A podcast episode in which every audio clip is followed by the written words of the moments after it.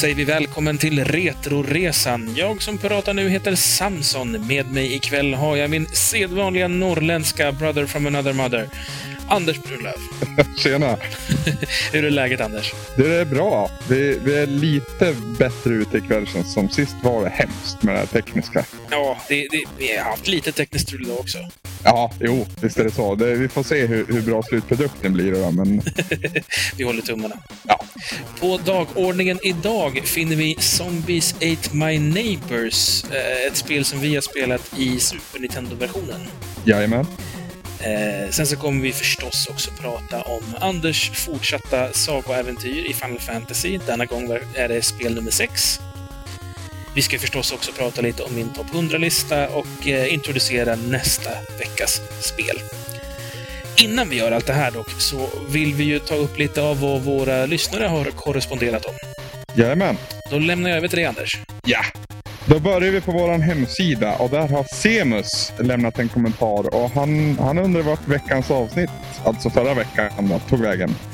och som, som ni märkte då så kommer det ut väldigt, väldigt sent, men det kommer fortfarande ut på fredagen. Så det, det tycker jag vi ska ha en klapp på ryggen för att vi lyckas få ut det då. Ja, en extra applåd till dig för ditt kalasjobb med klippningen. Han skriver att han, att han började få abstinens där för att han inte hade fått något Retroresan-avsnitt. Och förhoppningsvis fick han bot på det här då, eh, lite senare under kvällen. Lefyrius har genom sin kommentar slagit personligt rekord i antal tecken på en kommentar. Och det är inte att säga lite när det gäller den mannen. Lite kortfattat. Först och främst håller han med mig om min syn på hiphop. Eh, och det är ju skönt att det, det finns fler som mig. Men den här hiphop-diskussionen lämnar vi utanför detta program tror jag, för den kan bli lite långdragen annars. Jag tror att den kan bli lite infekterad också. Ja, så är det inte riktigt rätt forum känns det som. Eh, Han tycker dock att det var ett misstag av mig och av oss egentligen att eh, hoppa över del 5 i Final Fantasy-serien. Eh, Han menar på att det skulle vara mer intressant att följa utvecklingen spel för spel än att jag går tillbaka sen. Det finns en liten anledning till varför jag gjorde det där och det nämnde jag inte i förra veckans avsnitt. Kort och enkelt så handlar det om att del 5, alltså Final Fantasy 5, det släpptes inte i USA förrän 1999 tror jag till Playstation. Jag är ute och cyklar då eller? Inte helt hundra, men jag vet att det inte släpptes till en början i alla fall, utan det kom senare som en återutgivning. Precis. Ja. Och det, således översattes det inte heller det och jag kan inte japanska så bra. Så det jag vill göra helt enkelt är att jag vill, jag vill spola tillbaka tiden 15 år och liksom vara där och spela spelen som kom som jag hade kunnat spela dem då. Va? Om någon varit klokare av det där så ska de ha en eloge också. Men nu är det i alla fall Final Fantasy 6 som gäller och så får jag ta Final Fantasy 5 så småningom när den tiden kommer. Om vi fortsätter på Lefyrius kommentarer så ser vi att han också gillar att du tog upp UN Squadron och Rock'n'Roll Racing.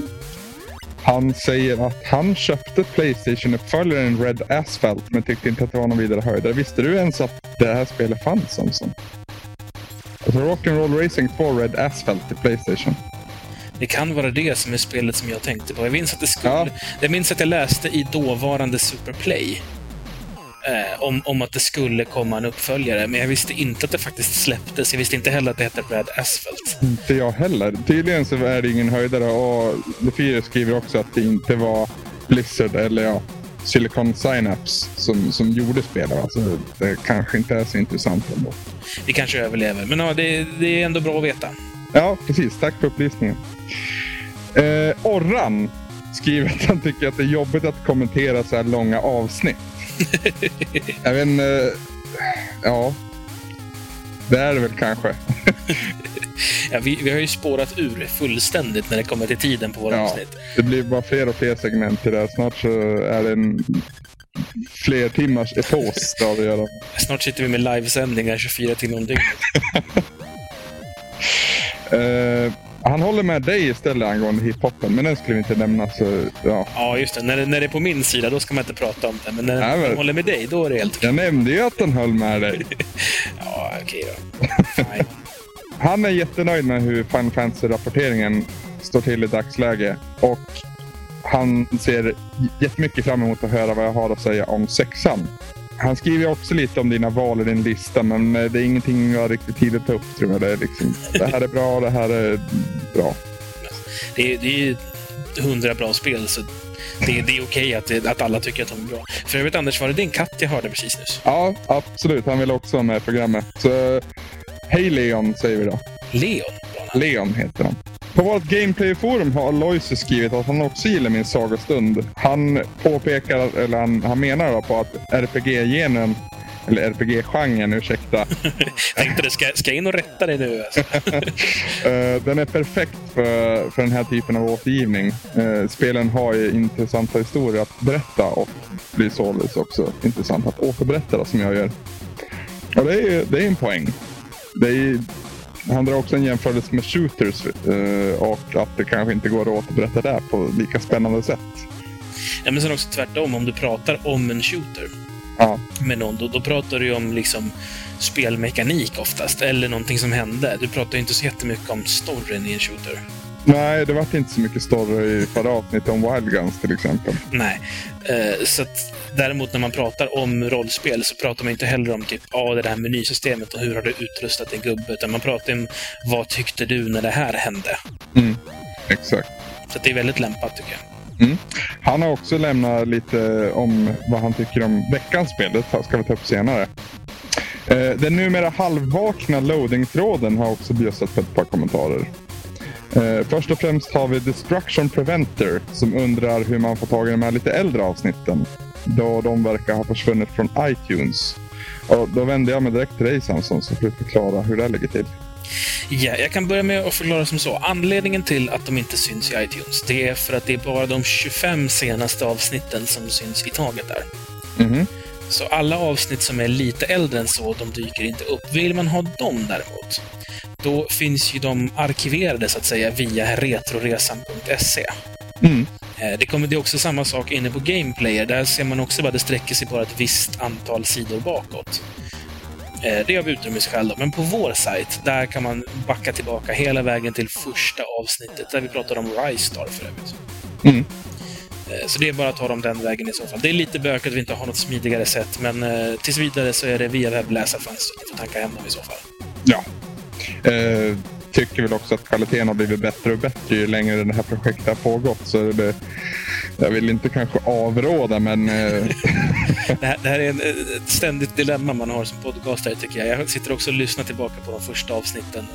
Jag gjorde samma sak med Radio Speltorsk när jag påpekade för dem att det inte gick att hitta de gamla avsnitten. De bara oh, ska du verkligen lyssna på dem? så att, eh, ja, men lyssna på ni och eh, lyssna för guds skull också på de nyare så att ni märker hur mycket bättre vi har blivit eh, Corell har också lämnat en kommentar på, på loading. Han skriver att han blev lite sugen på Wild Guns och att han troligtvis kommer köpa den när, om och när det dyker upp på Virtual Console. Och det tycker jag att han ska göra. Det är ett riktigt roligt, om en lite kort spel, men eh, helt klart värt pengarna i så fall. Han tycker också att eh, Final Fantasy-stunden och Topp 100-stunden var bra den här gången. Alltså han syftar på förra veckans avsnitt. Då. Och det är jättekul för oss att höra. Och sen så tipsar han ju om något som heter The Adventures of Dwayne and Brando. Som har gjort en del låtar i stil med Random, eller Mega Rand som jag hade i musikpausen förra veckan. Eh, jag kollade upp de här som han hade länkat till i tråden och jag måste tacka och applådera Corell för tipset. Framförallt Mega Man 2-videon var helt suverän. Eh, vi kommer inte att länka till de här på hemsidan, men eh, jag rekommenderar att ni kollar upp dem och då är loading-tråden som ni går till i så fall, där de finns att beskåda. Sist men inte minst ju Lefyrius, som vi nämnde tidigare, han har ju också lämnat en recension på iTunes. Och det gör oss ju rent ut sagt skitglada. Alltid. Ja. Han skriver retro när det är som bäst. Den här podcasten har fått mig att se på retro med helt nya ögon. Man blickar ofta framåt och blir besviken på, det, på spel medan de riktigt bra slinker förbi. Det är en riktigt bra duo som spelade spel man borde spelat från tiden då spel var bra. Sedan är Final Fantasy-resan en riktigt mysig del av programmet där det verkligen känns som en magisk sagostund från rötterna till en anrik spelserie. Ja, det är rätt schysst kritik, Samson. Ja, jag känner för att slå sig själv på bröstet lite. Så vi är ju Ja. duktiga. Ja, ja det, det känns naturligtvis skitbra att få sån här kritik. Och även om ni inte håller med Lefyrus och liksom tycker att vi är bara halvbra så får ni hemskt gärna lämna en recension och i så fall tipsa om vad vi kan göra bättre. Sen måste jag också konstatera att Lefyrus sätter oerhörd press på mig nu och för kommande Final Fantasy-stunder. Men förhoppningsvis lever jag upp till ja, det här nivån som jag satte tydligen. Och det här var ju inte allt för nu då Samson, utan många lyssnare har ju också kommenterat om veckans spel, som The My Neighbors. Så jag tror vi drar igång och börjar prata om, om det istället.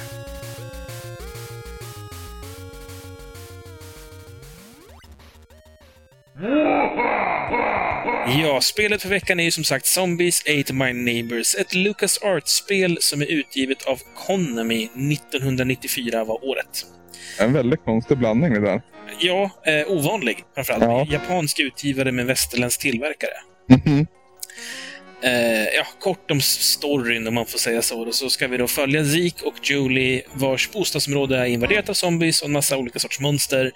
Hela spelet är en hyllning till B-skräckisar och det går ut på att du ska rädda grannar, eller människor som inte är monster helt enkelt. Mm. Eh, Man spelar då spelet ur ett sånt här ovanifrån perspektiv, lite som Zelda, alltså de gamla Zelda-spelen. Eh, Som sagt, man ska samla upp sina grannar och när alla grannar på kartan eller banan är räddade så öppnas det en dörr till nästa bana. Ja, eller när, det, när du har räddat alla du kan rädda kan man väl säga. I och med att om, om alla dör utom en så kan ni fortfarande ta det vidare. Men då har du bara en att rädda på nästa bana. Precis. Eh, mängd, du börjar med tio grannar på första banan. Mm. Om du skulle missa att få tag i en, för det, det är nämligen så att monstren kan ju också ta grannarna. Mm. Genom att helt enkelt nudda dem. Det är på samma sätt som du räddar dem, du bara springer rakt på dem helt enkelt. Om fienderna tar upp dina grannar så försvinner de och nästa bana så är det mindre grannar. Du kan dock få tillbaka grannar genom att samla mycket poäng. Eh, det här spelet är också proppfullt med power-ups. Mm, verkligen. Eh, och vapen av den märkligaste sort. Ja, eh, främsta vapnet, eller standardvapnet kan man säga, det är en Uzi. Men det är, det är inte en vanlig Uzi. om man säger. Det är en vattenpistols-Uzi. Eh, Eh. Som är fylld med välsignat vatten för övrigt. Jaha, jag trodde det bara var vanligt vatten. Att det, för, jag menar, jaha. Hur, ska- hur ska vanligt vatten kunna skada monster? Herregud, ja, jag antar att besticken han kastar på sina fiender och de är gjorda av silver de andra ord. Mycket riktigt. Ja, fan, nu känns en uppenbarelse. Glasspinnar däremot. Inte riktigt fattat den alltså. Ja, håll dem borta. Sen den är så... Ja. Eh, utöver dem så finns det också bazooka, brandsläckare, en uppblåsbar clown som lockar till sig fiender, en massa sorters magiska drycker som förvandlar dig på olika sätt och vis. Mm. Eh, en hel uppsjö helt enkelt. Mm. Eh, Jag tänkte att vi skulle börja där vi brukar börja och prata lite om eh, presentationen här då. Mm. Vad tycker du om grafiken i spelet? Jag tycker grafiken funkar. Jag tycker att den, den har en enhetlig bild genom hela spelet. Som, som, den är inte toppklass kanske, men den är helt klart godkänd och duger väl att vila ögonen på. Jag tycker att den är ju västerländsk. eh, Ja, verkligen. Eh, Och inte bara i vad det är för referens, utan det är också den här västerländska estetiken på det. Det, är, det här till exempel, det här eh, ovanifrån perspektivet känns mycket plattare än till exempel Zelda. Mm. Alltså det är verkligen, du ser väggarna som du ser ur rätt vinkel, så att säga. Väggar som går uppåt, de ser du liksom bara eh, taket på. Om man ska, hur ska man förklara det här? Om du jämför med till exempel när du är i Zelda i ett rum så ser du alla fyra väggar i rummet. Mm. Eh, För det är liksom lite så här vinklat perspektiv, så att du ska kunna se att det finns ett djup där. Det är det ju inte här, utan här är det väldigt så rakt och... Ja, det blir ju snett ovanifrån då kan man väl säga. Ja, precis. Eh, och det, ja, det, det är en väldigt västerländsk grafikstil, skulle jag vilja säga. En, en, ja, jag vet inte om man kan kalla den för en praktisk, men det är väl det som kännetecknar annars. Att det, det, det praktiska går före. Jo, jag tror det. Den är ju tydlig i alla fall. Ja. Eh, våra lyssnare har ju också tyckt till om det här. Ja, Eh, det var jättekul. Ja, Fortsätt. eh, jättebonus till alla som har skrivit in och det är några stycken. Mm. Eh, Lefyrius då, som eh, har slagit, som sagt, skribentrekord här. han tycker att den är inte lika mysig som i Wild Guns. Eh, och förstår dock att den inte ska vara lika trevlig och mysig. Det är presentationen han pratar om nu alltså. Ja, grafiken. pratar jag om. Ja, ja, ja. Ibland känns det som att de har försökt för mycket och ramlat halvvägs. Eh, däremot så gillar jag att de har lyckats fånga den här B-skräckiskänslan. Mm. Eh, och det, hela spelet är ju en jättestor hyllning till de här gamla skräckisarna. Hammer and Tongs-rullar och Fredag den 13 och allt de här. Ja, alla de här svartvita skräckisarna från ja, när filmen var jätteny tänker jag på på en gång. Jag, framförallt när jag ser en fiende, då, den här lagunmonstret. Så dyker upp bilder på en gång. Ja, Peter tycker också till om grafiken. Han säger att den är helt okej, om dock väldigt primitiv. Eh, sen så stör han sig lite på att grannarna som man ska rädda kan knappt kallas för karaktärer. De är mer bilder. Mm. Eh, rör sig knappt någonting. Det är väl typ cheerleadern som hoppar lite. Ja, bebisen vankar väl fram och tillbaka också Ja, just det. Eh, Men de verkar helt ovetande om hela deras omgivning som invaderas av de här fienderna. Mm. Eh, Aloysius säger att eh, det finns snyggare spel till Super Nintendo, men variationen och detaljerna tycker, jag, eh, tycker han gör det här väldigt snyggt. Mm.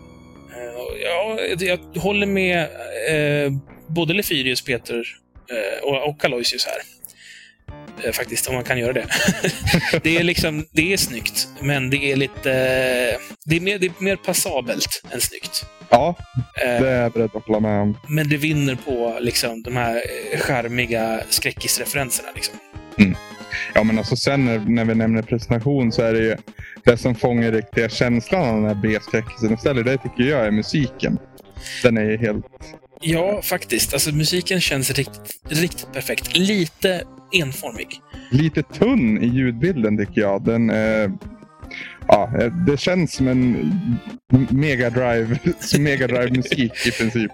Jo, den, det, är, det är lite platt. Det är liksom en slags rytm och sen finns det någon slags pipig melodi och inte så mycket däremellan. Men jag älskar de här zombieljuden som är intryckta i spåren ibland. Mm. Ljudeffekterna är, är dock varierade, tycker jag. Ja, ja, men alltså just de här jag syftar på, de är ju från själva musiken. Det, det låter som att en zombie försöker sjunga en, en låt bland annat. Tycker jag är så jäkla bra.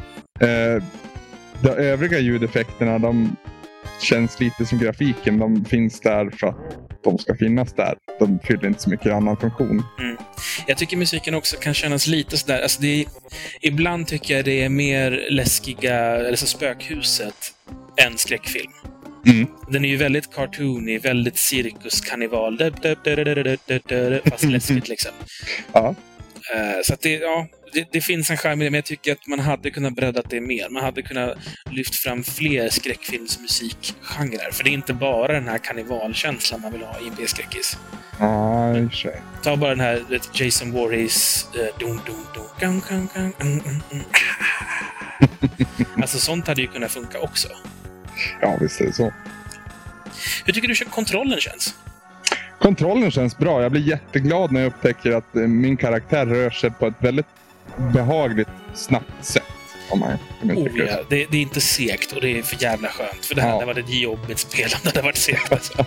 Nej, men det, det är liksom så. Zombiesarna rör sig precis som de ska. De, de dör efter en träff och det, så ska det också vara. Och de ska liksom... Om du dör av dina zombies i ett zombiespel så ska det vara för att de är för många, inte för att de är för bra. Mm. Så det är min, min syn på zombies i spel. Eh, du i din tur då, du kan eh, röra dig relativt fort, du kan skjuta relativt fort. Det jag har lite problem med istället, det är ju ja, mina fienders hitpoints, eller hit detection eller vad man ska säga.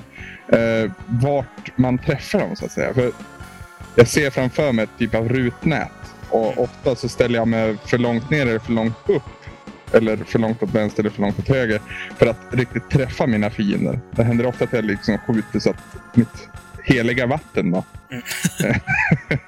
Eh, ja, jag ser det gå alldeles förbi huvudet på dem. Mm. Fast jag träffar dem inte. Då.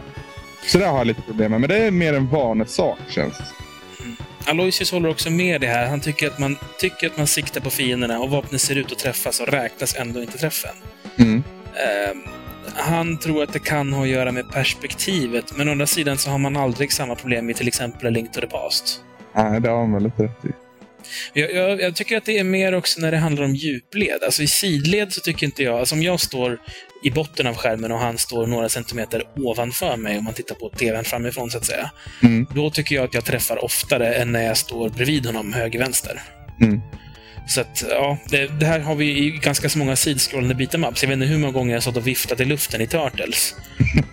Eller varför inte Castle Crushers, för att ta ja. nyare. Det, det är flera gånger man tycker att här, men jag borde träffa, men så är man typ lite längre in i bilden än vad man ska vara. Så det, det har med perspektivet att göra, men det känns som att det tycker jag att det ska man liksom ha förberett för att det här kommer kunna uppstå. Så ser man till att det kanske är lite avlång hitbox då istället. Mm. Ja, eh, jag tänkte vi skulle gå vidare och prata lite om eh, power-ups och vapen. Mm. Eh, har du någon favorit? Bland vapnen menar du? Ja, eller allmänt av, av diverse ja, tillhyggen. Bland, bland power-ups så finns det väl inte så mycket att välja på. Det är den här potion-drycken som gör dig helt oövervinnlig ett tag. Där det förvandlas till något varulvsliknande monster. Det är precis samma som jag har valt. Det är helt orimligt. ja, men jag tror det är många som... Hur kan man inte välja den? Liksom? Det känns nog att vara så awesome. Plus att eh, det finns ju så här halvbossar i spelet. Ja. Jag, jag skulle inte kalla dem för bossar egentligen, för du, du det känns inte som en boss, det känns som en fiende, för det, det handlar ju ändå om att du ska rädda grannar. Liksom. Ja. Uh, men till exempel jättebebisen, som man möter ganska tidigt. Ja, det är väl Stage 10 eller något, va? Ja. Den, uh, den klarade inte jag utan en vanlig lilla varulv. Det gick bara inte. Nej, det var så jag besegrade honom också. Det finns säkert något annat sätt. För det som är bra med det här spelet är att varenda fiende har sin svaghet. Det är lite... Vi refererar alldeles för mycket till Mega Man, men det, det, känns bra att varenda fiende har sin svaghet. Eh, annars, om vi ska gå in på vapen och vad jag har för favorit, så är det nog Ja, det är lite fjolligt vapen egentligen, men brandsläckaren tycker jag kom till användning alldeles jätteofta. Ja, sjukt effektiv. Framförallt mot just varulvar, alltså så snabba och de här, lika de här motorsågsmassakerna. De hatar. De ja, de var bra dryga alltså. Men med den där brandsläckaren då fryser man dem ett tag. Så att, ja. Det är också lite störigt när vi ändå pratar om det här med power-ups och vapen. Uh, man blir ju ganska beroende av dem. Mm. För att med lilla vattenpuffran så kommer man inte så jättelångt när man väl är inne några. Det, det, finns ju 48 banor plus 7 bonusbanor tror jag det är. Ja, 55 totalt. Ja. Uh, det är jävligt mycket monster man ska ta sig igenom liksom. Och de spanar ju ofta liksom hela, hela tiden. Och man, man blir ju beroende av att man har en stor uppsjö vapen. För du, du har ju det här systemet som Megaman-aktiga. Typ krucifixet är bra på vampyrer, besticken är bra på varulvar, etc. etc. Mm. Eh, ja, silver förstås då. Men eh, om man då stänger av spelet så har man ju ingen sparfunktion utan man använder sig av ett lösenordssystem istället. Mm. Och det här är ju för jävla irriterande. Det är rent ut sagt idiotiskt, skulle ja. jag säga. Uh, för det enda du får är att du får börja på den banan, men du får inte behålla dina power-ups.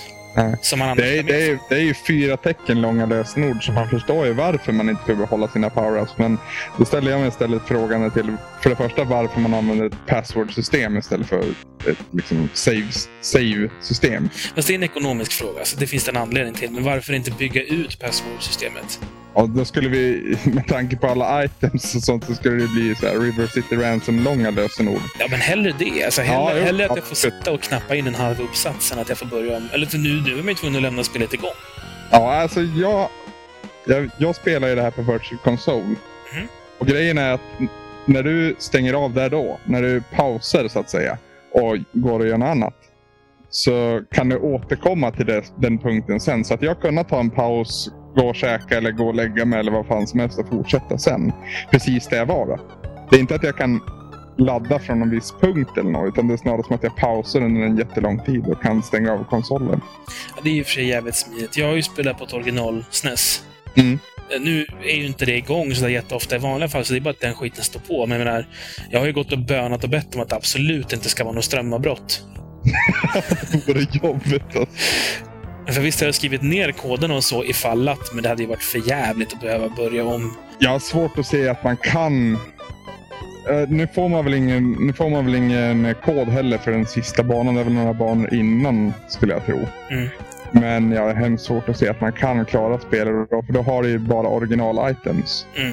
Och det, det, blir mer och mer, ju längre du kommer i spelet desto mer beroende blir du av de här olika föremålen som du plockar upp. Ja, för fienderna blir ju rätt så jävla starka. Ja, Alltså, Verkligen. zombies är verkligen lägsta nivå, men det, det går- tar inte särskilt lång tid innan, alltså redan på bana fyra så får du de här jävla motorsågssnubbarna. ja, Och den är ju skitsvår om man inte har till exempel frysen eller åtminstone snabbskorna så man kan springa ifrån dem lätt. ja. Ja, som sagt, power-up galore. Apropå fiender här. Eh, jag har blivit tokig på många av dem. Mm. Eh, har du klurat på något speciell som du är såhär, den här jäveln står jag inte ut med? Den första som jag stötte på som jag bara ville stampa på. Mm. Det var ju den här lilla mördardockan. Bara för att han har sånt drygt jävla skratt också när han dyker upp. De som kastar yxor efter dig. Ja, exakt. Och de, ja, det är många fiender man hatar. Man känner riktigt att man, de här vill jag mala ner och plåga ordentligt. En annan fiende som jag hade, ja, två egentligen nu kommer jag på, men okej, lite snabbt. Första som jag blir riktigt, riktigt rädd för det är de här stora jävla myrorna som ser vidriga ut. Åh shit ja, de är obehagliga som satan. ja, ju- just det. Stora insekter är någonting som jag... Det ger mig lite gåshud. Jag tror att det är djupt rotat i människosjälen att vi hatar dem, för det är vår största konkurrent evolutionsmässigt också. Ja, det är väl någonting i den stilen. Eh, sen de här uh, lagunmonstren också tycker jag är jäkligt dryg. Ja, gud ja. På de här banorna när man ska simma mycket, när det är mycket Ja. öar och sånt. Fy fan. De vad- ger verkligen inte upp alltså. Det, är också, det spanar ju hela tiden nya monster. Vilket i och för sig jag tycker är en ganska bra grej. Ja, ja. Ja, men jag tänkt på det här. Jag, jag är ett stort fan av zombies generellt, eller skräckfilm, men just zombies tänker jag på nu. Mm. Ehm, I modern zombiefilm så har vi ju springzombies. Mm. Springzombies gillar jag, men jag tycker inte att de är zombies. Nej, det är de inte. Nej, eh, just för att det som är läskigt med zombies, det är inte zombiesarna i sig. De är inte farliga. Det är lätt att komma bort från en zombie. Det är deras antal. Mm, Det är ett, och, och menar, uttrycket att vara som en zombie, det är ju att vara liksom likgiltig. Bara, så att då typ väsa och vara förbannad, det är inte riktigt en zombie tycker jag. Så hur mycket jag än älskar till exempel Left 4 Dead eller filmer som 28 dagar senare och nyversioner av Dawn of the Dead. Så det är bra skräckisar, men de ger mig inte den klaustrofobikänsla som det jag tycker ska vara zombie. Jag väntar, den nya versionen av Dawn of the Dead, de har väl långsamma zombies? Nej, de springer. Nej, Det gör de visst. Gå och lägg dig, Anders. Ja, nu måste jag kolla på den igen. Den är suverän förresten. Asbra, Eh, asbra film. Klockren. Ja. Men det springzombies, det är ingen diskussion, Anders. Men vänta, det är den som South Park har gjort en, en parodi på. Bland annat. California. Det är din tur att sjunga i år kanske. Eh, ja, precis. Det är den. I South Park så är det original zombies, men South Park bygger det mer på original Dawn of the Dead. Ja. Där är det gå-zombies. Ja, jag kanske blandar ihop original och ny version helt enkelt. Båda två är suveräna filmer Ja, verkligen. Mina favoriter när det kommer till zombiefilmer, helt klart. För att knyta tillbaka till spelet. Ja. här har vi ju, ja, jag- jag skulle kalla dem gå-zombies. Dels för att de är väldigt lätta att döda. Mm. Du tar dem med liksom ett skott med vilket vapen som helst. Mm. Men det som gör dem farliga är deras antal.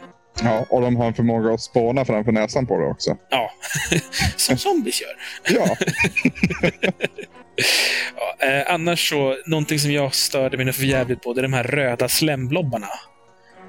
ja, När de landar i huvudet på dig. ja.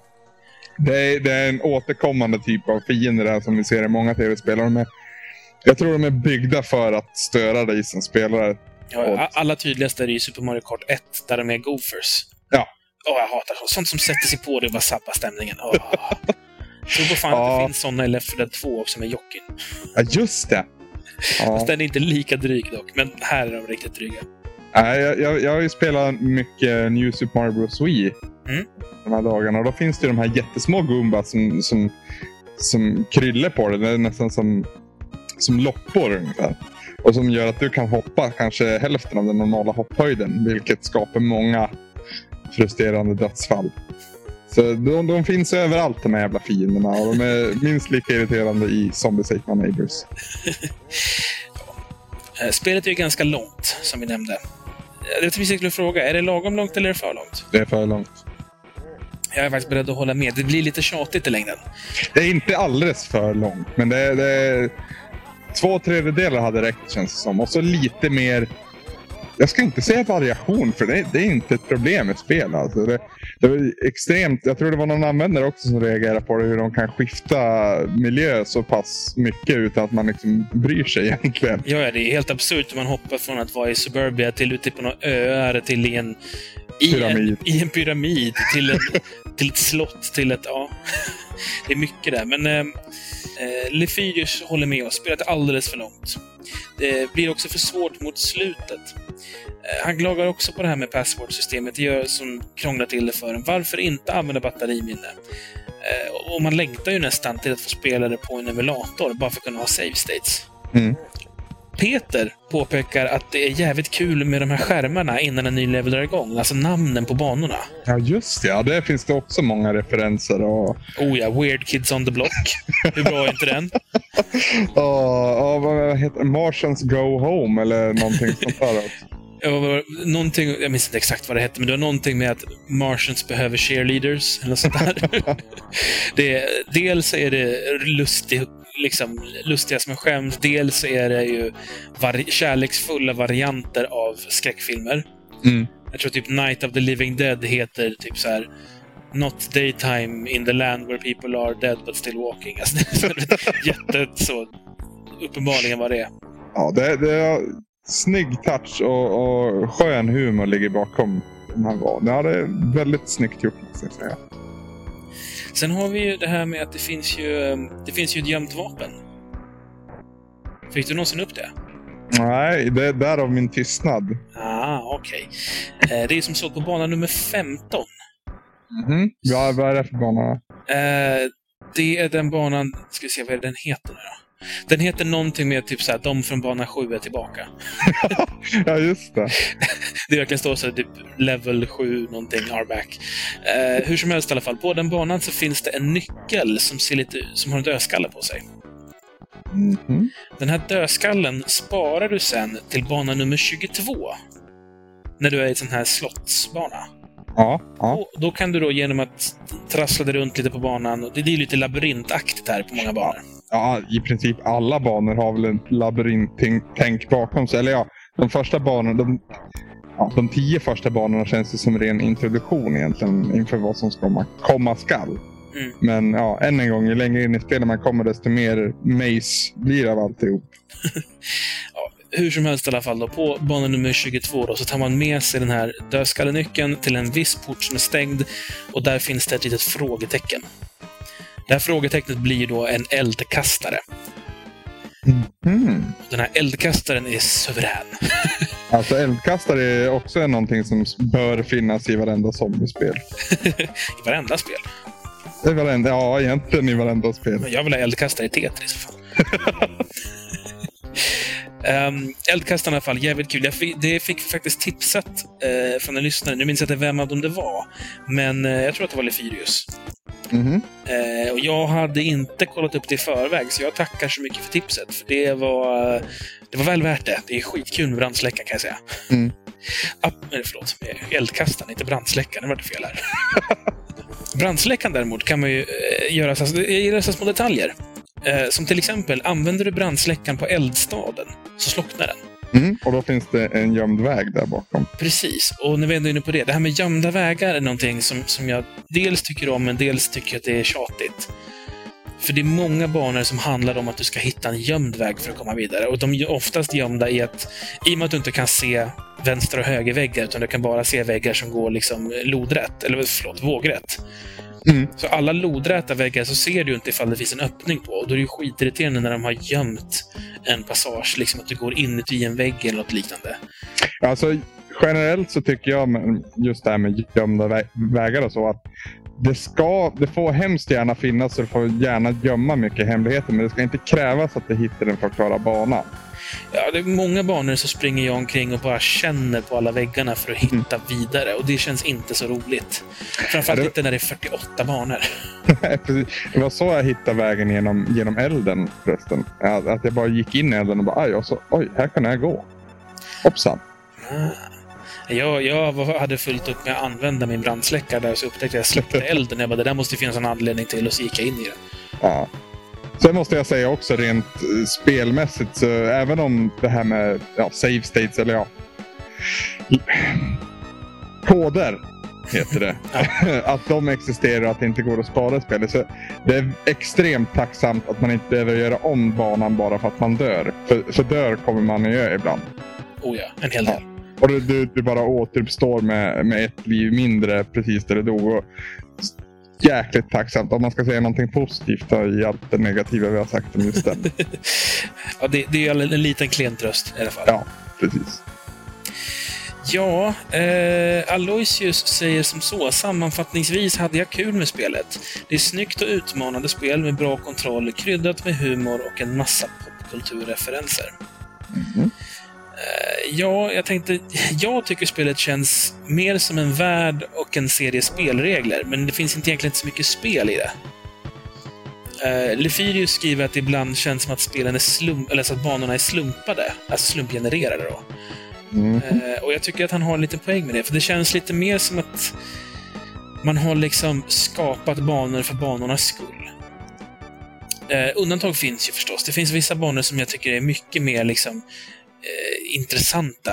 Jag kommer inte på något jättebra exempel så här, men eh, det finns liksom vissa banor som känns verkligen konstruerade med tv-spel i åtanke, medan vissa bara är liksom en värld. Mm. Eh, och Det här syns ju också genom lite att vissa fiender har liksom ett beteendemönster som också är lite, nästan känns lite slumpartat. Eh, ja, till exempel jättebebisen. Ja, den, ja den, var ju, det var ju en pers som sagt. Alltså. Ja, men den känns som att jättebebisen går liksom bara omkring. Den, den bryr sig inte om mig, utan den har liksom så här, gå dit, gå dit, gå dit, gå dit, gå dit. Och det blev liksom så här, men vänta nu, om det här ska vara en jättebebis jag slåss med, varför kan inte den reagera på mig? Varför ska det vara som en maskin liksom? Jag, jag tänkte faktiskt på dig när jag mötte den bebisen. Jag tänkte här kommer Samson att svära över. Just för att han inte hade den här äh, reaktionen som, som du vill ha ur dina bossar. Att du gör någonting, då ska han göra någonting och vice versa. Ja, det är viktigt. Utan... Åh, vad klockrent att du tar upp det här nu. uh, som sagt, det finns däremot vissa banor. Nu kom jag på en bana här som jag faktiskt tycker bryter mot det här mönstret och visar liksom att här finns det en röd tråd att följa. Här finns det en mening med allt. Uh, seven Meals for Seven Zombies finns den som heter. Mm. Där det är ja, sju cheerleaders och en jävla massa zombies överallt. Här mm. följer du liksom en bana från start till slut. Det är liksom inte samma kluddiga labyrint, spring och känn på väggarna, utan här är det verkligen ta dig fram. Det är som ett gatlopp nästan. Mm.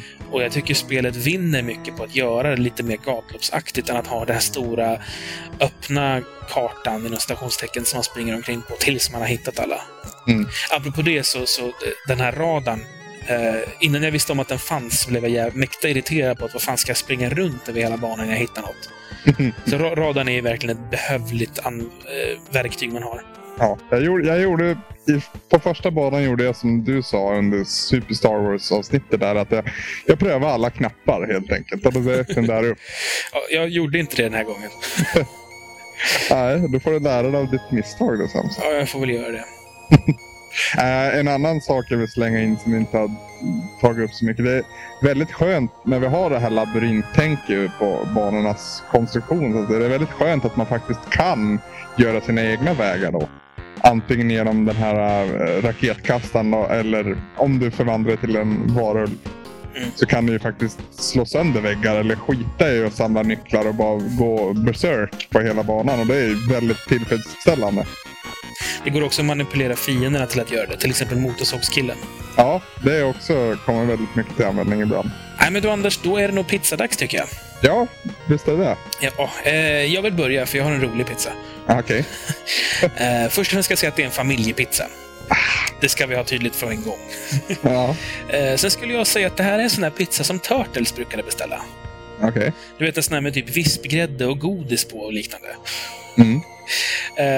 Och det är ju eh, lite konstigt men kul och kanske gott till en början och vinner säkert jättemycket poäng för den härliga referensen till min barndom. Men efter man tagit några bitar så är man ganska nöjd. man har fått det man vill ha liksom. Ja, det var kul att prova den här bisarra pizzan, men nu nu, nu är jag nöjd. Men då är det här, det är ju en jävla familjepizza där, så det är bara att fortsätta käka om man ska få i sig hela skiten. jag tror att man i slutändan kanske kräks av för mycket socker. ja, sen har ju inte sötsaker någonting på en pizza att göra egentligen. Om man exkluderar. Ja. jag, gillar ju, Ananas. jag gillar ju fruktpizza i vissa fall. Ja. Nej, banan ska ju bort på en gång. Det, Vi har haft den här diskussionen förut. ja, jag hade rätt då och jag har fortfarande rätt nu. Banan ska inte finnas på en pizza. Du är så trångsynt. Nej, det är jag inte. Jo, Nej, det är jag verkligen inte. Men Banan- bananer... Banan- banan är en efterrättsfrukt. Punkt slut. Anders, jag bor i Norrland, jag vill inte prova nya saker. Åh, jag har faktiskt prövat en quattro stagione. länge sedan, för att du har pratat så mycket om den. Tänkte du på att det var smakade för mycket som räkor och musslor över hela pizzan? Ja, faktiskt. Ja, jag säger ju det. Ja, Jag kan lika gärna beställa en stor pizza med bara räkor och musslor. Men, det är mitt pizza. ja precis.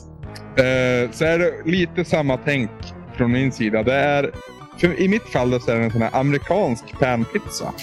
Och då tänker jag att du är jävligt hungrig. Du vill ha någonting att bita i. Så du beställer en large. Och sen så tycker jag, fan vad intressant om jag skulle slänga på lite så här andra grejer för en gångs skull. Så du prövar lite jordnötter och du prövar lite så här. Jag vet inte riktigt vad du prövar. Det är väl lite upp till var och en. Men det är lite nya saker som, ni, som du vill testa. Och det är skitgott till sin början. Men någonstans där i mitten eller lite längre bort, kanske två tredjedelar någonstans. Då är du för det första förbannat mätt. För att det är skitmycket botten i den här pizzan. Och eh, förutom det så börjar de här eh, coola sakerna som gav en häftig smak, de börjar domna av och bara smaka rent illa. Och du börjar sakna den här gamla tiden då du bara vågade beställa en Vesuvio. Jag tror att det var det hela om Zombies Ate My Neighbors. Vi tackar Peter för tipset och ett spel som roar mig väldigt länge. För länge kan man väl säga. Eller, Ja, tack det, i alla fall Peter och fortsätt gärna skicka in tips. ja. Och tack också till Aloysius och Lefyrius och Peter igen då för att ni eh, skickat in er feedback om spelet. Jajamän. Skicka en banan till dem som sa. det kan Hur vi... vart det med de där bananutskicken egentligen? Oj, jag hade inte bytt av så mycket. eh, medan jag går och packar bananer så Ja. tycker jag att vi tar oss en liten musikbreak. Ja, Eh, den här veckan är det jag som bestämmer. jajamän. Och då tycker jag att vi går in på lite ja, rock och punk-stil här. Hallå. Ja, det blir ju mycket sånt när det är jag som får bestämma. Så vi ska nu lyssna på en cover av ett, eh, känd, ett känt spel. Det är ett litet medley vi ska lyssna på. Eh, bandet här är ett ganska så känt amerikanskt band, förhållandevis. Vi ska se om jag känner igen dem då, för jag vet inte alls vad du har valt här nu. Ja, versionen vi ska lyssna på i alla fall, det är bandets andra inspelning av just den här låten. De har nämligen en tidigare version, men det är den nya jag har tagit. Eh, Första gången den dök upp så var det på deras självbetitlade skiva som kom 2000, men nu så ska vi höra Castlevania av The Minibosses från skivan Brass.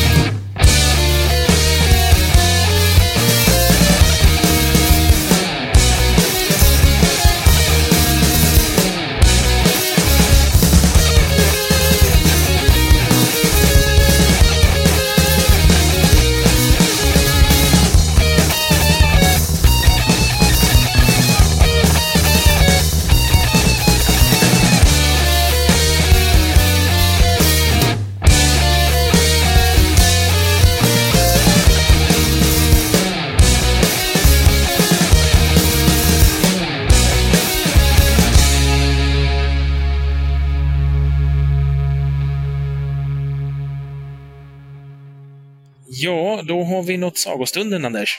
Jajamän. Eh, du har ju börjat spela Final Fantasy 6 nu. Jajamän. Eh, spelar du den eh, Super Nintendo-originalet eller Game Boy Advance-versionen? Eller är det någon Playstation-variant du håller på med? Jag tänkte först spela det på, på Playstation faktiskt. Eh, I en Anthology, Anthology-version som en kompis har.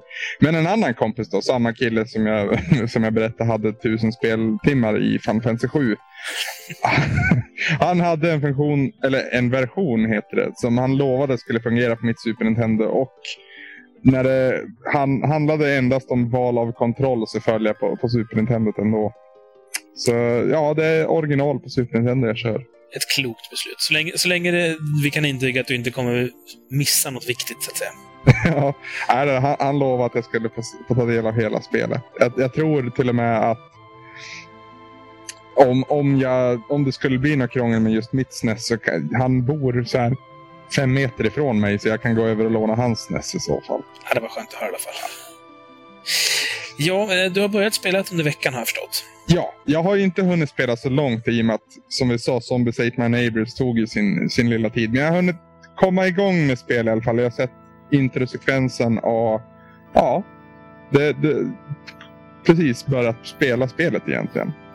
Eh, kanske, jag tänkte berätta lite om bakgrundshistorien faktiskt. Mm, varsågod. I spelets intro berättas det om ett krig som för länge sedan ödelade jorden vi befinner oss på. Det är väl inte sagt huruvida det här är jorden som du och jag befinner oss på eller om det är någon annan planet. Men hur som helst, efter det här kriget så Eh, det, det medförde att all magi upphörde att existera. Kriget kallades för övrigt The War of Magi.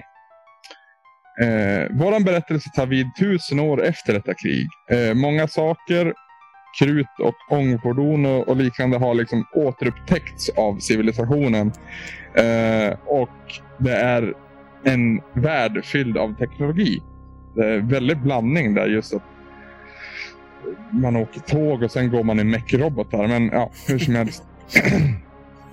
Givetvis finns det ju folk då som vill få kontroll över den här ökända kraften, det, det väsen som kallas magi, som man nästan bara viskar om.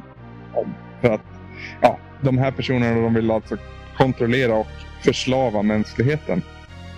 I spelets inledning ser vi hur tre mex, alltså sådana här människostyrda robotar, eh, de kommer till någon typ av klippa och de är kontrollerade av två soldater och en flicka vars namn hittills är okänt.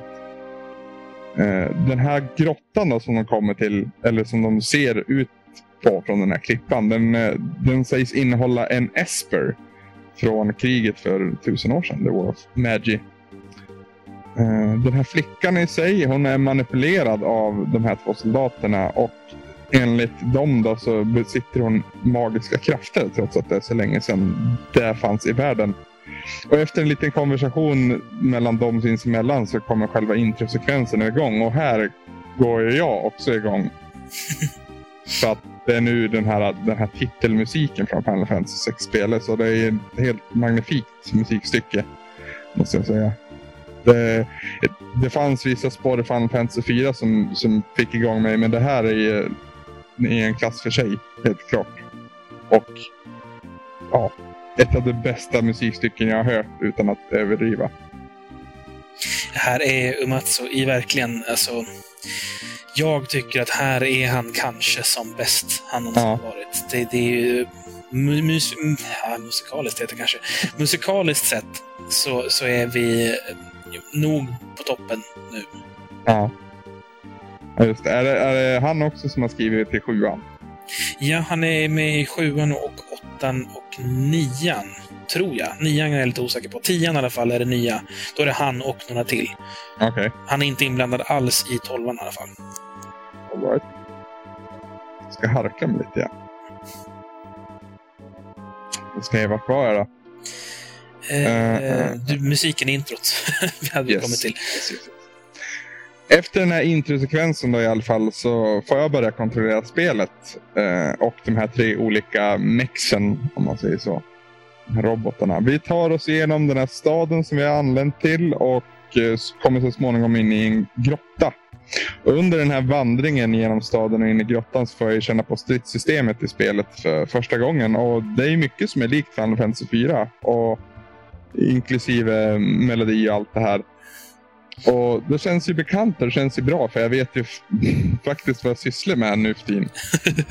Medan, ja, det, det, var ju en lite hög inlärningskurva där i Final Fantasy 4. Där liksom, om jag trycker på den här knappen, vad händer då? Lite trial and error-tänkt där. Men, ja. Eh, jag möter inte något vidare motstånd ska jag säga. De här mexen är ju väldigt kraftfulla och kan... Ja, jag vet inte vad det är, vad det är de gör. Om de de skapar sin egen magi eller någonting sånt. Det har någonting med magi att göra fortfarande. Kan du ge mig någon insyn Samson? Alltså det, det, är väl en form av teknikbaserad magiliknande. Alltså effekten ser ut som magi, men det är baserat på teknik. Ja, exakt. Kan vi kalla det. Ja, precis. Den är, den är, det är producerad magi. Ja. ja. Det är så. Eh, uh, inne i den här grottan då, så möter jag min första boss. En snigelliknande eh, sak som kallas Welk. Och jag blir instruerad av de här två eh, soldaterna då, att inte attackera skalet där de fått tagit del av i sin briefing. För att den här tar emot, jag vet inte vilken typ av attack det är egentligen, men han, han vänder liksom attack till sitt Ja, han kan urvinna energi ur det. Så jag fokuserar på huvudet och jag vinner väldigt enkelt den här striden med den här strategin. Och när vi har besegrat Welk möter vi då till slut den här Espen som vi är ute efter. Jag tror hon kallas Streetok eller någonting sånt där. Mycket riktigt. Mm. Eh, lite kuriosa. I Game Boy Advance-versionen, eh, nyöversatta, mm. så heter den Valigarmanda. Okej. Okay. Har jag fått lära mig. Häftigt. eh, den här Tritok då, hon, eh, jag tror att det är en hon. Hon elemerar i alla fall soldaten i fråga och flickan faller medvetslös.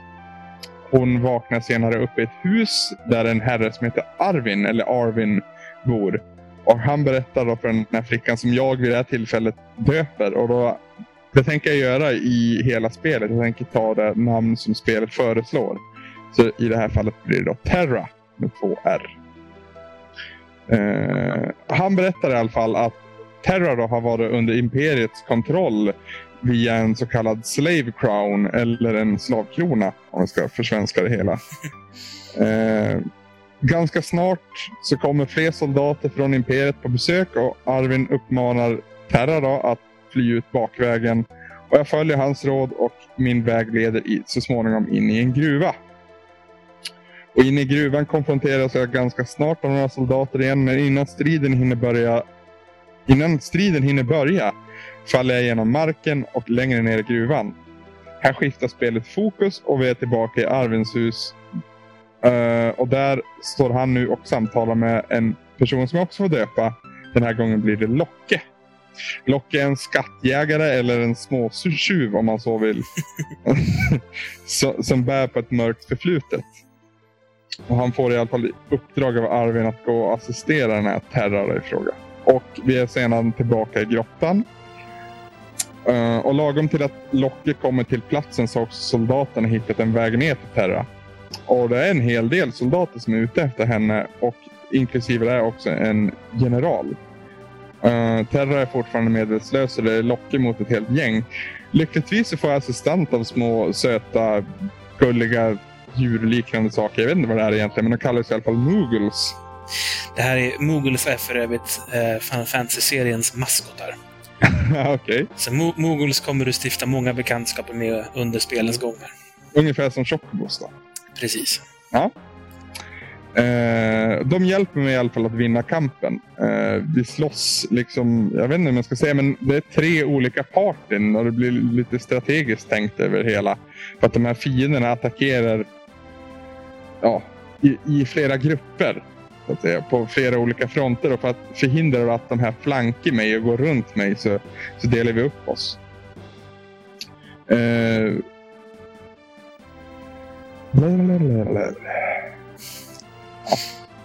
det här funkar bra och till slut har även denna styrka med soldater och inklusive general blivit besegrad. Eh, och efter kampen försvinner alla Moogles och Terra vaknar igen. Vi fortsätter genom tunneln och kommer slutligen till en hemlig väg som Locke så passande känner till. Och den leder utanför den här eh, tunneln eller grottan eller vad man ska säga. Uh, och där finns det faktiskt en skola som lär mig lite om stridssystemet som spelet innehar. Uh, jag lägger inte så mycket tid vid det här nu. Jag, planerat att jag har planerat att återvända hit senare. Men eh, vi lämnar staden och kommer ut på den stora kartan och ut i den stora världen. Och precis som i Final Fantasy 4 tänkte jag på så vandrar jag i spelets inledning genom en öken igen. Det... Någonting jag reagerar på bara. Det är ju inte så en jättestor öken när man ser det där perspektivet, men lite så här filosofiskt ändå. När vi har tagit, så, när vi har tagit oss igenom den här öknen så hamnar vi då i staden Figaro. Eh, där är Edgar kung. Edgar och Locke verkar ha ett förflutet tillsammans och trots att Figaro är i allians med Imperiet så, så kan Locke fly dit och eh, gömma sig där. Det, har ju, det visar sig så småningom det att Locke och Edward egentligen är medlemmar av en, ja vad ska man säga, en, en grupp rebeller. Kommer du ihåg vad den här gruppen kallades det som?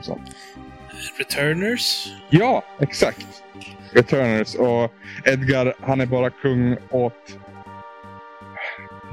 kung åt Figaro utåt sett och egentligen med i den här gruppen. Eh, I Edgars slott, i slottet Figaro, så får vi ta en liten paus. Vi lägger oss ner för att sova och sen försöker Edgar givetvis flörta med, med Terra. Utan någon större framgångar ska tilläggas. Uh, lite längre in i slottet efter jag tagit min lilla sömntur. Vad heter det? Sömn? Uh, ja. Tupplur tänkte Tupplur, jag på. tack. Ja, precis. Sömntur. Det lät jävligt bra. Inne i det här slottet där jag tagit min lilla tupplur då, så får jag också träffa någon som heter Matron. Uh, jag vet inte vad det är riktigt, men hon berättar lite om Edgars historia och en tvilling till Edgar som heter Sabin får inte så mycket inblick i vad som riktigt försiggår där. Men det har någonting med uh, att bli kung att göra i alla fall. Så mycket förstod jag. Eh, efter det här lilla samtalet så återvänder jag till tronrummet för att prata mer med Edward. Mycket eh, för att jag vill veta mer om, om det här hon nu precis sa. Eh, dock blir vi avbrutna eftersom vi får besök av Imperiet och jag introduceras inför spelets antagonist. Ja, Kefka heter han. Kort beskrivet kan väl... Bes ja, han är väl den ondaste människan i världen helt enkelt. Han har ett väldigt elakt skratt framförallt som satte, med, satte sig på en gång. Och vi har ju faktiskt träffat honom tidigare i en kort återblick där, där han visar hur Terra var kontrollerad genom den här slavkronan som jag nämnde tidigare. Och Han vill ju ha tag på Terra igen, så han besöker Figaro för att han har hört att det finns en mystisk häxflicka där. Eh, Edgar nekar dock till dessa anklagelser och efter en liten kort dispyt så försvinner Kefka därifrån. Eh, Föga förvånande så återvänder han inom kort. Eh, denna gång så är det med lite mer, ja, lite mer krut helt enkelt. Och vi möts av ett slott som brinner. Och eh, ja, Kefka tänker inte ge sig förrän han får den här flickan. Edgar lyckas dock rymma med hjälp av några chocobos och får också med sig Locke och Terra. Med de här chocobos så flyr vi från Kefkas styrkor. Dock så blir vi i, i kappsprungna av några sådana här mekrobotar som som eh, jagar oss hack i häl. Och till slut så måste ställa sig emot dem och eh, måste slåss. Eh, en rolig dialog uppstår ju när, när, när Terra visar sina magiska krafter inför, inför Locke och eh, Edgar. Som, de har ju aldrig sett magi. Det här är en värld som, som, där magi inte existerar så de blir alldeles häpna och, och får jättestora ögon bokstavligen. Eh, men eh, den här fighten går faktiskt rätt bra. Trodde att det skulle vara större bekymmer än vad det faktiskt var. Det, verkar vara lite, lite mesigare varianten av mech-robotar vi får möta. Och när de är besegrade så kan vi lägga benen på ryggen igen och fly vidare. Efter en liten dialog där eh, ja, Terra lider ju fortfarande av minnesförlust. Så, så hon vet inte riktigt vem hon är eller vad hon har för syfte i den här världen. Men Locke och Ed, Edgar övertalar henne om att de ska springa iväg och möta den här äh, ledaren av The Returners. Och vi springer genom öken äh, sydväst till en grotta. Och längre än så har jag faktiskt inte kommit nu. Det är där jag har sparat. Alldeles vid ingången till den här grottan. Där, ja, vi, vi träffar en av Edgars eh, soldater som, eh, som får meddela till resten av kungariket att de ska gå och åka och möta returners. Så att säga.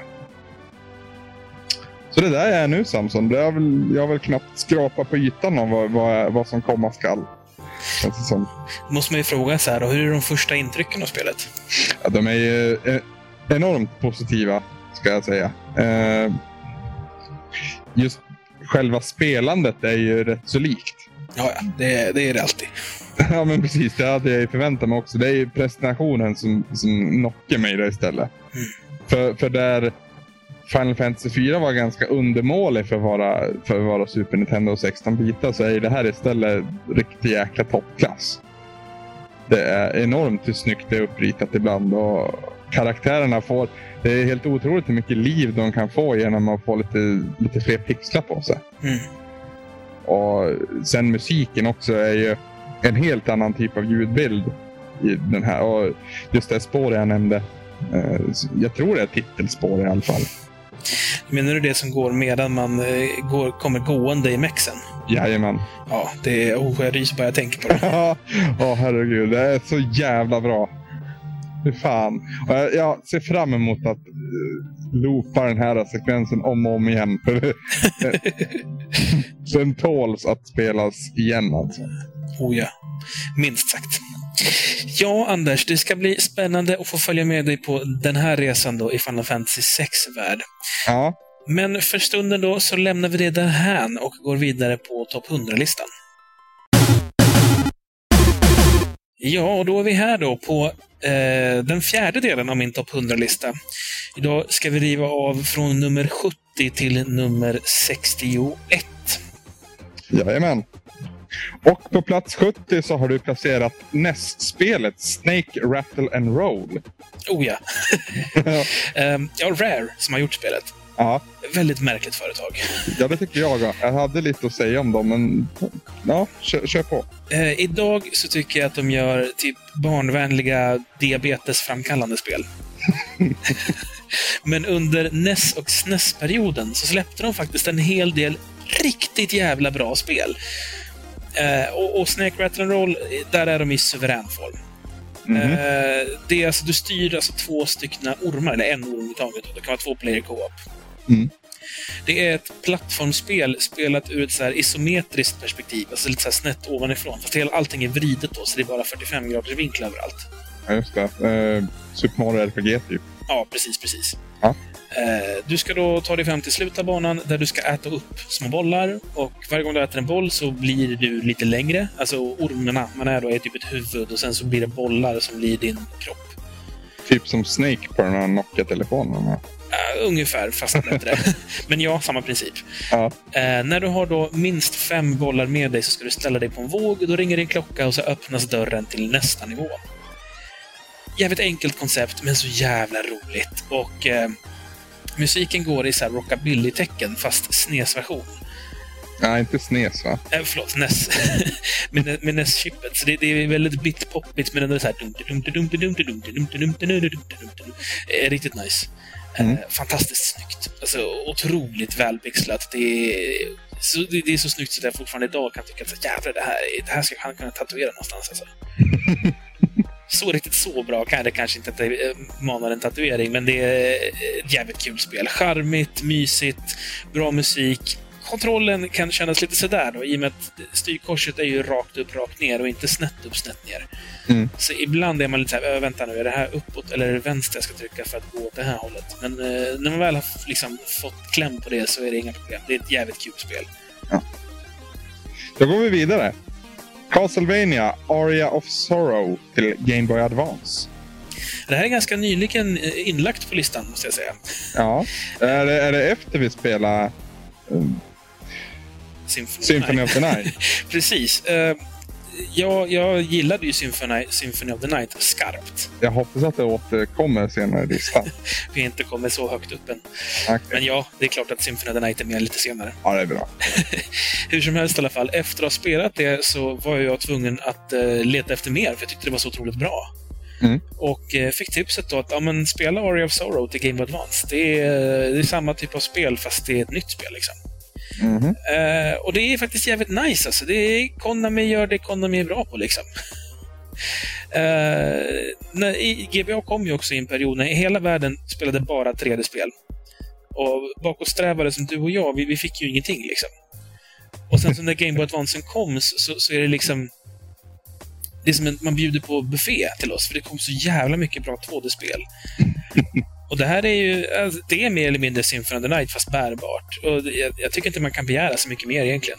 Nej, verkligen inte. Om, om jag kan ta med mig ett spel av den kalibern i min ficka, det är det liksom så mycket jag vill ha från en bärbar konsol egentligen. Mm. Eh, en liten snabb fråga som inte har med spelet i sig att göra egentligen. Game Boy Advance, är det retro för oss? Gränsfall. Alltså, maskinen Ja. i sig är ju inte gammal, men spelen kör ju ofta retrostil. Vi får nog ta spel. För jag har kikat på ett par spel till Game Boy Advance förresten. Eh, Vi kan faktiskt fråga våra lyssnare. Ja, det tycker jag. Tycker ni att Game Boy Advance-spel är okej i Retroresan, eller de för nya? Svara på vår hemsida, eh, eller någon av våra respektive forumtrådar. Vi går vidare på listan då. Plats 68 så har du Mega Man X till Super Nintendo. Ett spel som vi har spelat alldeles nyligen. Jajamän! Eh, det är ett bra spel. Riktigt bra spel. Bra spel. Eh, som vi också pratade om. En kebabpizza utan vitlökssås tror jag det var va? Något sånt var det, Ja, från din sida. Jag tror det var en steka utan sås för min del. Men ja. Ja. Eh, ja, Megamans första steg i 16-bits-eran. Eh, inte några stapplande steg direkt. Nej, verkligen inte. Utan snarare kommer Megaman inhoppandes i ett jämfotahopp med jazzhänder som skriker ”Titta på mig!”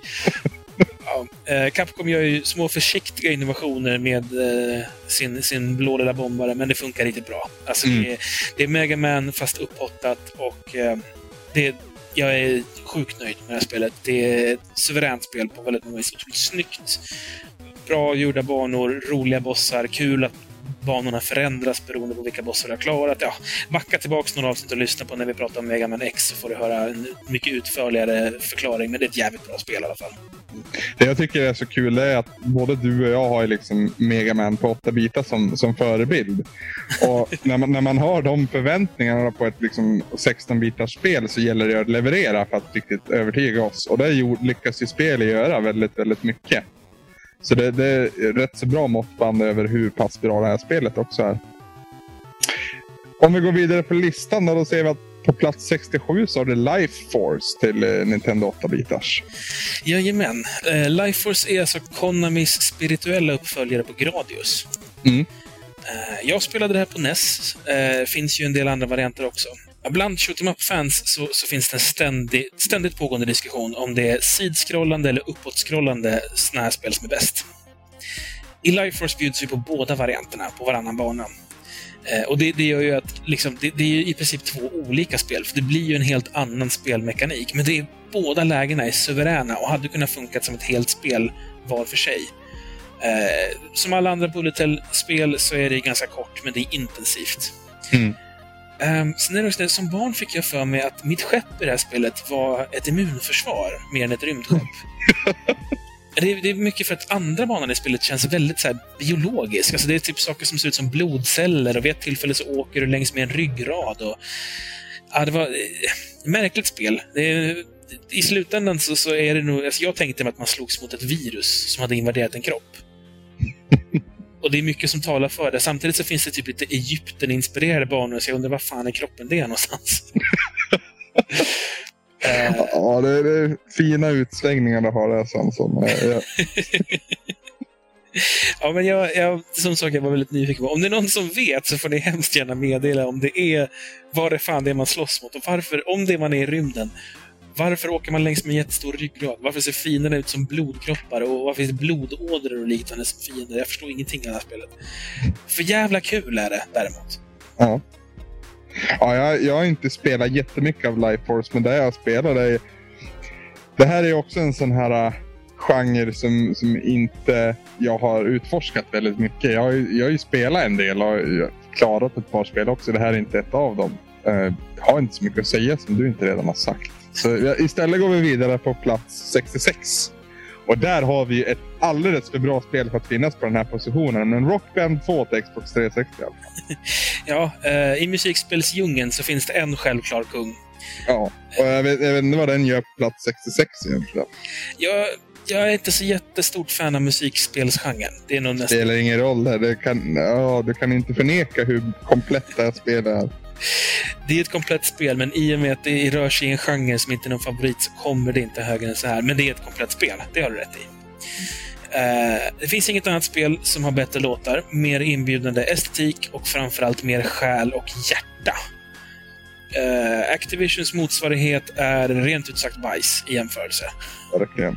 Eh, nog för att instrumenten kanske är av lite sämre kvalitet här, men eh, med lite tredjepartsleverantörer så är det ändå oväsentligt. Rockband är och förblir det bästa partymusikspelet. Lätt. Det är roligt det där för att när du tänker Rockband då tänker du Harmonix. Och när du tänker Guitar Hero då tänker man på Activision. Mm. Och det, det är ju en grav skillnad där i att Harmonix är utvecklare och Activision utgivare. Men, men jag i alla fall känner väldigt mycket kärlek till Harmonix och väldigt mycket, jag ska inte säga hat, men Ja, Jag hatar ju Activision. Ja, jo. jag, vet inte om jag har samma brinnande hat för det i alla fall. Men jag sträcker mig så långt att säga avskyr då. Det är nog skillnad.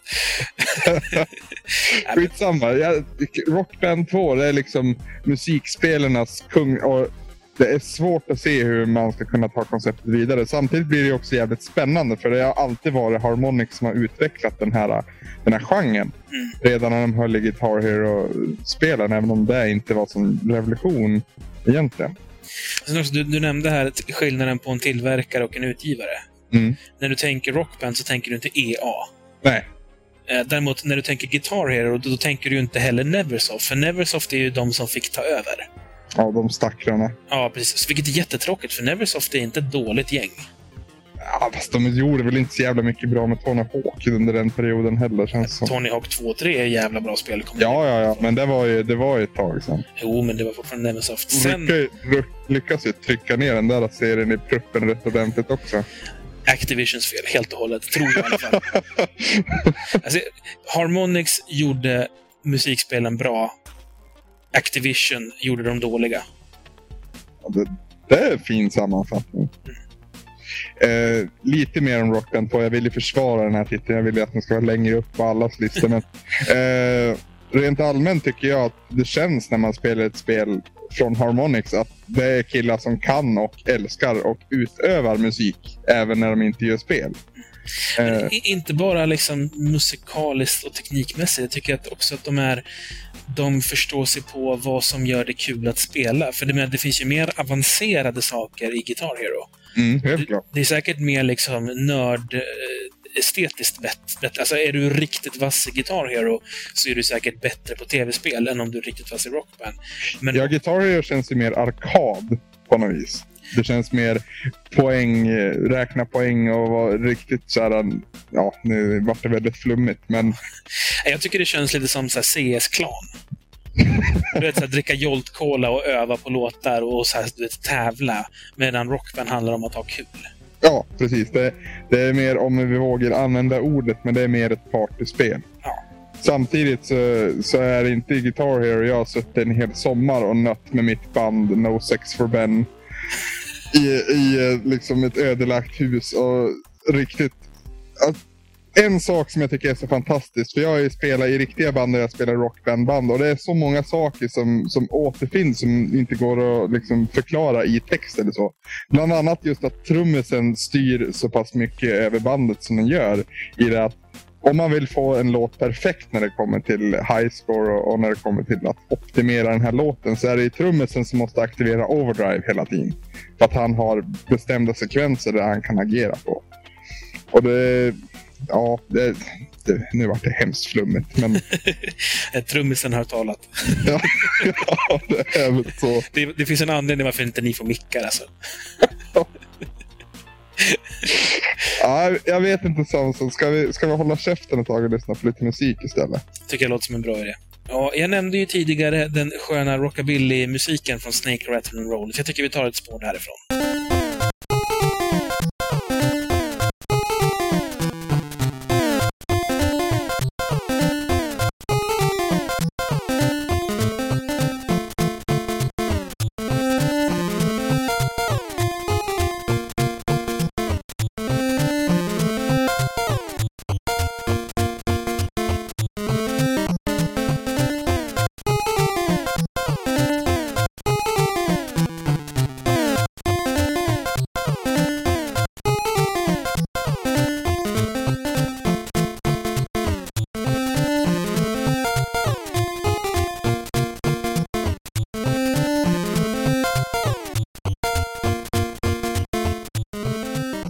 Tackar vi för musiken och så går vi vidare på plats 65. Och där har vi Donkey Kong Country till Super Nintendo. Och har och häpna, det är ytterligare ett bra spel från Rare. Ja. eh, spelet har så retroaktivt fått lite skit för att det inte var så bra som det först verkade. Eller som folk först sa. Det hypades ju något enormt, det här spelet. Mm. Eh, det hade den här tekniken då ACM, som den kallades, där man alltså använde sig av eh, datorrenderad grafik för att bygga sina sprites. Så det, det såg ju ut som jätteavancerad datorgrafik, fast det var ju bara platta stillbilder. som man hade exporterat ur den här superavancerade jättedatorn som man använde för det här. Mm. Eh, trots då eh, den enorma hypen som sen den inte riktigt kunde leva upp till, så är det ett jävligt bra spel. Eh, ja, det tycker jag också jag tycker att det är roligt och det är ett klurigt plattformsspel. Det är riktigt skön musik i det. Det finns massor med hemligheter. uh, och jag älskar ju att jaga sånt med min tv-spels OCD. Jag lånade ut det här spelet. Jag, jag var då på 99 procent. Totalt finns det 101. Uh, eh, jag lånade ut spelet till en unge som jag inte kommer ihåg, jag var på mellanstadiet. och jag fick Fifa av honom. När jag får tillbaks det så har snorungen raderat min sparfil. Det fanns två tomma. Men han har raderat min. Kan vi, inte, kan vi inte bara låtsas att han just nu sitter och lyssnar på oss? Och så kan vi bara peka finger åt honom. Ja. Alla ni som lyssnar, peka finger nu. Sträck ut armen upp med långfingret. Jag kommer inte ihåg vad ungen hette. Jag tror det kanske var Kalle eller sånt där. Peka finger åt kanske Kalle. Vad gör det, ni som sitter nu? Kalle, var ja. du än sitter, du har åtminstone ett hundratal långfingrar på dig just nu. Ja, dra åt helvete helt enkelt. han, han, var ingen dålig unge, ska sägas. Det måste han vara när han gör någonting. Det där är emot allt vad tv-spelets estetik står för. Han var ganska liten också i och för sig. Etik menar jag. Ja, jag förstår det. uh, Donkey Kong Country i alla fall, spelet vi pratar om. Det har jag också med på min lista. Mm. Placeringen är ju skrämmande lik faktiskt. Min återfinns på plats 63. Du ser. Ja, så du tycker väldigt lika i, i den mån hur vi rankar spel också. Så ja, ja, vi går vidare istället. Mm. På plats 64 då har vi Super Mario Kart 64 till Nintendo 64. Ett av de få 64-spelen som är med på min lista ska jag säga. Ja, det är samma här. Ja. um, vid första provspelningen av det här spelet så var jag sur och ledsen. Jag tyckte Nintendo hade helt tappat stilen och jag la, hel, jag la spelet åt sidan och spelade min SNES-version istället. Jag tyckte att det var skit. Man hade sabbat allt som gjorde Nintendo, eller originalet bra. Jag hatar Nintendo 64 och jag ville bara typ bajsa på kassetten i sann Angry Video Game Nerd. Stil. Um, så sakteliga så, så satt jag och vänner och slöspelade det här när vi inte hade något bättre för oss. Och så råkade vi upptäcka de här exploitsen som finns. Alltså att man kan hoppa över väggar och att man kan ta typ genvägar som man inte egentligen ska kunna och så vidare. Eh, efter mycket om men så lärde vi oss att kontrollera både walljumping och snaking och alla de andra de här teknikerna. Eh, och efter det då så, så helt plötsligt började vi tycka att det var ganska kul det här spelet, för nu kunde vi utnyttja våra glitchkunskaper för att hitta snabbast möjliga varvtider. Uh, så under flera veckors period då satt vi och knarkade det här spelet och bara letade efter fler platser man kunde fuska på. uh, och jag har hittills fortfarande faktiskt... det finns vissa ställen som jag inte har sett folk på nätet ha hittat. Eh, annars brukar det vara så att man hittar en exploit i ett spel och sen så googlar man den och så är det så här, någon typ galen korean har hittat det och han har typ gjort en karta över exakt var man kan utföra det spelet och han har typ jag, stickat en halsduk som förklarar hur du ska göra det. Alltså det, är liksom, det finns redan överallt, men det finns fortfarande grejer i det här spelet som jag inte har sett att andra har lyckats hitta än så länge. Fan vad coolt. Vem vet, jag kanske bara är dålig på att googla också. Vi ska ju inte, vi ska inte dra det här för Eller så vill du inte hitta de där videorna för att du vill känna dig speciell. Det kan ju vara så. Det kan ju vara det också. Fast under den här perioden så satt vi mycket och letade på nätet för att hitta fler ställen som inte vi hade tänkt på. Ja, just det. Ja, jag tycker helt enkelt att det är det bästa Mario Kart-spelet och det står ju ut just för att det är på konsolen Nintendo 64. Som, som du säger så finns det inte så många bra spel som har överlevt eh, vad säger man, tidens hårda krav. Någonting sånt. Tidens tand. Tidens tand, tack så mycket. Eh, men det har jag faktiskt det här gjort, tycker jag. Eh, det är väl inte skitsnyggt grafiskt, men det funkar ju just för att den stilen de har valt, eh, den funkar. Den funkar, men det gör inte så mycket mer än så. Nej, men precis. Och det är, det är skitkul att spela mot sina vänner. Det är där spelet vinner. Men, men. På plats nummer 63 så har vi We Love Katamari till Playstation 2. Ja. Eh, min kärlek till det galna Japan eh, har vi ju redan gått igenom här. Eh, och Det här är ytterligare ett exempel på, på dels min kärlek, men dels också galna Japan. Enligt spelets skapare, som jag för tillfället glömt namnet på, så ska egentligen Katamari-spelen vara en ganska så syrlig kommentar om kapitalism och kommersialism. Okej, okay, jag missade den biten. Ja. Det gjorde ju jag också. Va? Men eh, katamarin ska alltså representera ett meningslöst objekt vars enda syfte är att konsumera för att bli större, för att kunna konsumera ännu mer. Och till, ja, större och större och större. Och det är helt meningslöst att man gör det, så konsumtionen i sig finns bara för, sitt eget, för sin egen skull. Um, Dock ska ju tilläggas att det inte är för spelets samhällskritik som jag tycker att det är bra. Nej. Eh, men, men jag tycker att det där finns ett så mystiskt djup som jag aldrig hade kunnat listat ut om jag inte hade fått lite hjälp på vägen. Då. Men det, alltså det, killen som har gjort det här, han är ju dels tv-spelsmakare, dels konstnär. Och det syns ju. Ja, det gör det. det. Det är ju ett konstigt spel och då menar jag inte bara att det är annorlunda utan också att det finns mycket som är konst eh, liksom knytet på något vis. Det känns väldigt mycket som att estetiken, musiken, eh, bara vad spelet går ut på, hur, hur människor existerar i det här spelet, känns ju väldigt knutet till, eh, om man läser liksom moderna konsttidningar till exempel, och bara kollar på typ Giant Robot och, och Mod Art och såna här sorters tidningar.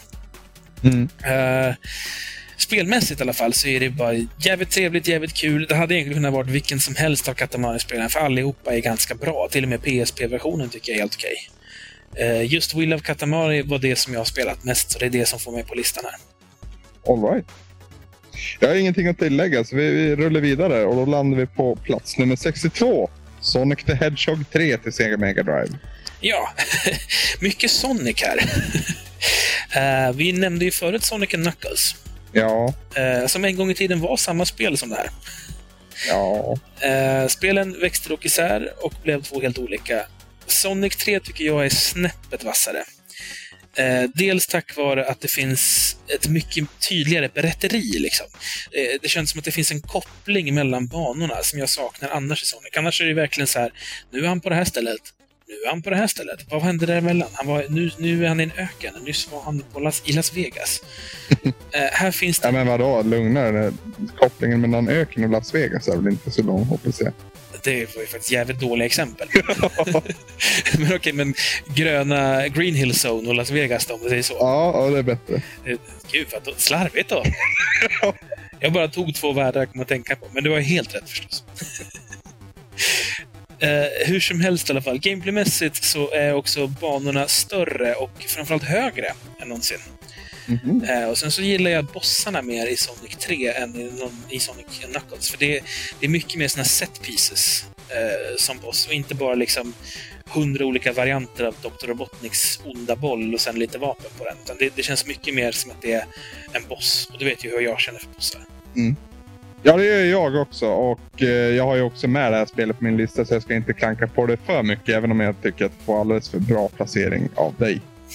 Men, men. Eh, vi går vidare på veckans sista topp 100-spel. Och det är alltså plats 61 och Rystar till Sega Mega Drive. Och det här har ju vi spelat tillsammans Samson. Eller inte tillsammans per se, men vi har ju pratat om det tillsammans i alla fall. Ja, det var vår första gemensamma retroresa. Jajamän. Eh, det kommer faktiskt så här högt upp av en anledning. Ja, det gör det. Eh, det är ett utsökt charmigt spel. Eh, jag tycker att det är lummigt och det är färggrann grafik. Gameplayet är riktigt stabilt. Eh, och vi får också se något så ovanligt som en 16-bits maskot. Som inte är liksom huvudmaskoten, typ Sonic eller Mario. Som har personlighet. Och som också har, ett, har liksom lite hjärta. Jag menar, det är liksom... Eh, han är ju Sonics bortadopterade lillebror kan man väl säga. Ja, det var väl... Det där uh, la vi väl ut en, en liten diskussion om, men han är väl resterna av det som fick bli Sonic. Precis, en av förslagen i alla fall, när Ja. de skulle skapa Sonic. Och eh, det är ett jävligt mysigt spel. Alltså, det är bra bandesign, det är bra musik på Sega Mega Drive. Jag menar, Ja, fågelbanorna, vem kan glömma den liksom? Planeten Sonata där. jag menar alltså just att det är på Mega Drive och vi reagerar på att det är så jäkla bra musik. Det är liksom en konsol som har plågats i så många spel med undermålig musik gentemot storebror Super Nintendo. Då. Mm. Men just i Rystar, det tycker jag... Det, det, fy fan vilken jävla bra musik det är. Och snyggt. Grafiskt snyggt som Ja. Verkligen. Eh, och bra bossar, tycker jag. Lite, lite halvtaskig hit detection här och där, men det är bra bossar på det stora hela. Ja, det är det. Eh, så ja, det blir Rystar som får toppa 60-talet, så att säga, här hos mig. 60-talet. Ja, det är vårt siffror på 60. Då blir det Ja, 60-talet. och- ja, det lät som att spelet kom från 60-talet tyckte jag. Men... Men det vet ju både du och jag att det inte var så. så. Nej, det gör det ju inte. Eh, ja, eh, kul att det kom med. Jag hann ju inte liksom plocka med det här på min topp 100-lista. Men jag ska göra som så med min 100-lista. Att vid varje nyår ungefär så ska jag uppdatera den med årets spelade spel och trycka in de som jag tycker förtjänar att ha sin plats där. Och då kommer med all säkerhet Ristar också dyka upp där. Ja, ja, jag ser fram emot vad plats 60 till 51 kan bjuda på. Som vi hör nästa vecka. Då. Ja då Anders, då är det dags att titta på vad som kommer ske härnäst. Eh, nästa vecka, eller till nästa avsnitt ska vi snarare säga, så ska vi ta oss an ett spel som heter Comics Zone till Sega Mega Drive. Mm. Eh, det är vad jag har förstått eh, ett serietidnings beat'em kan man säga.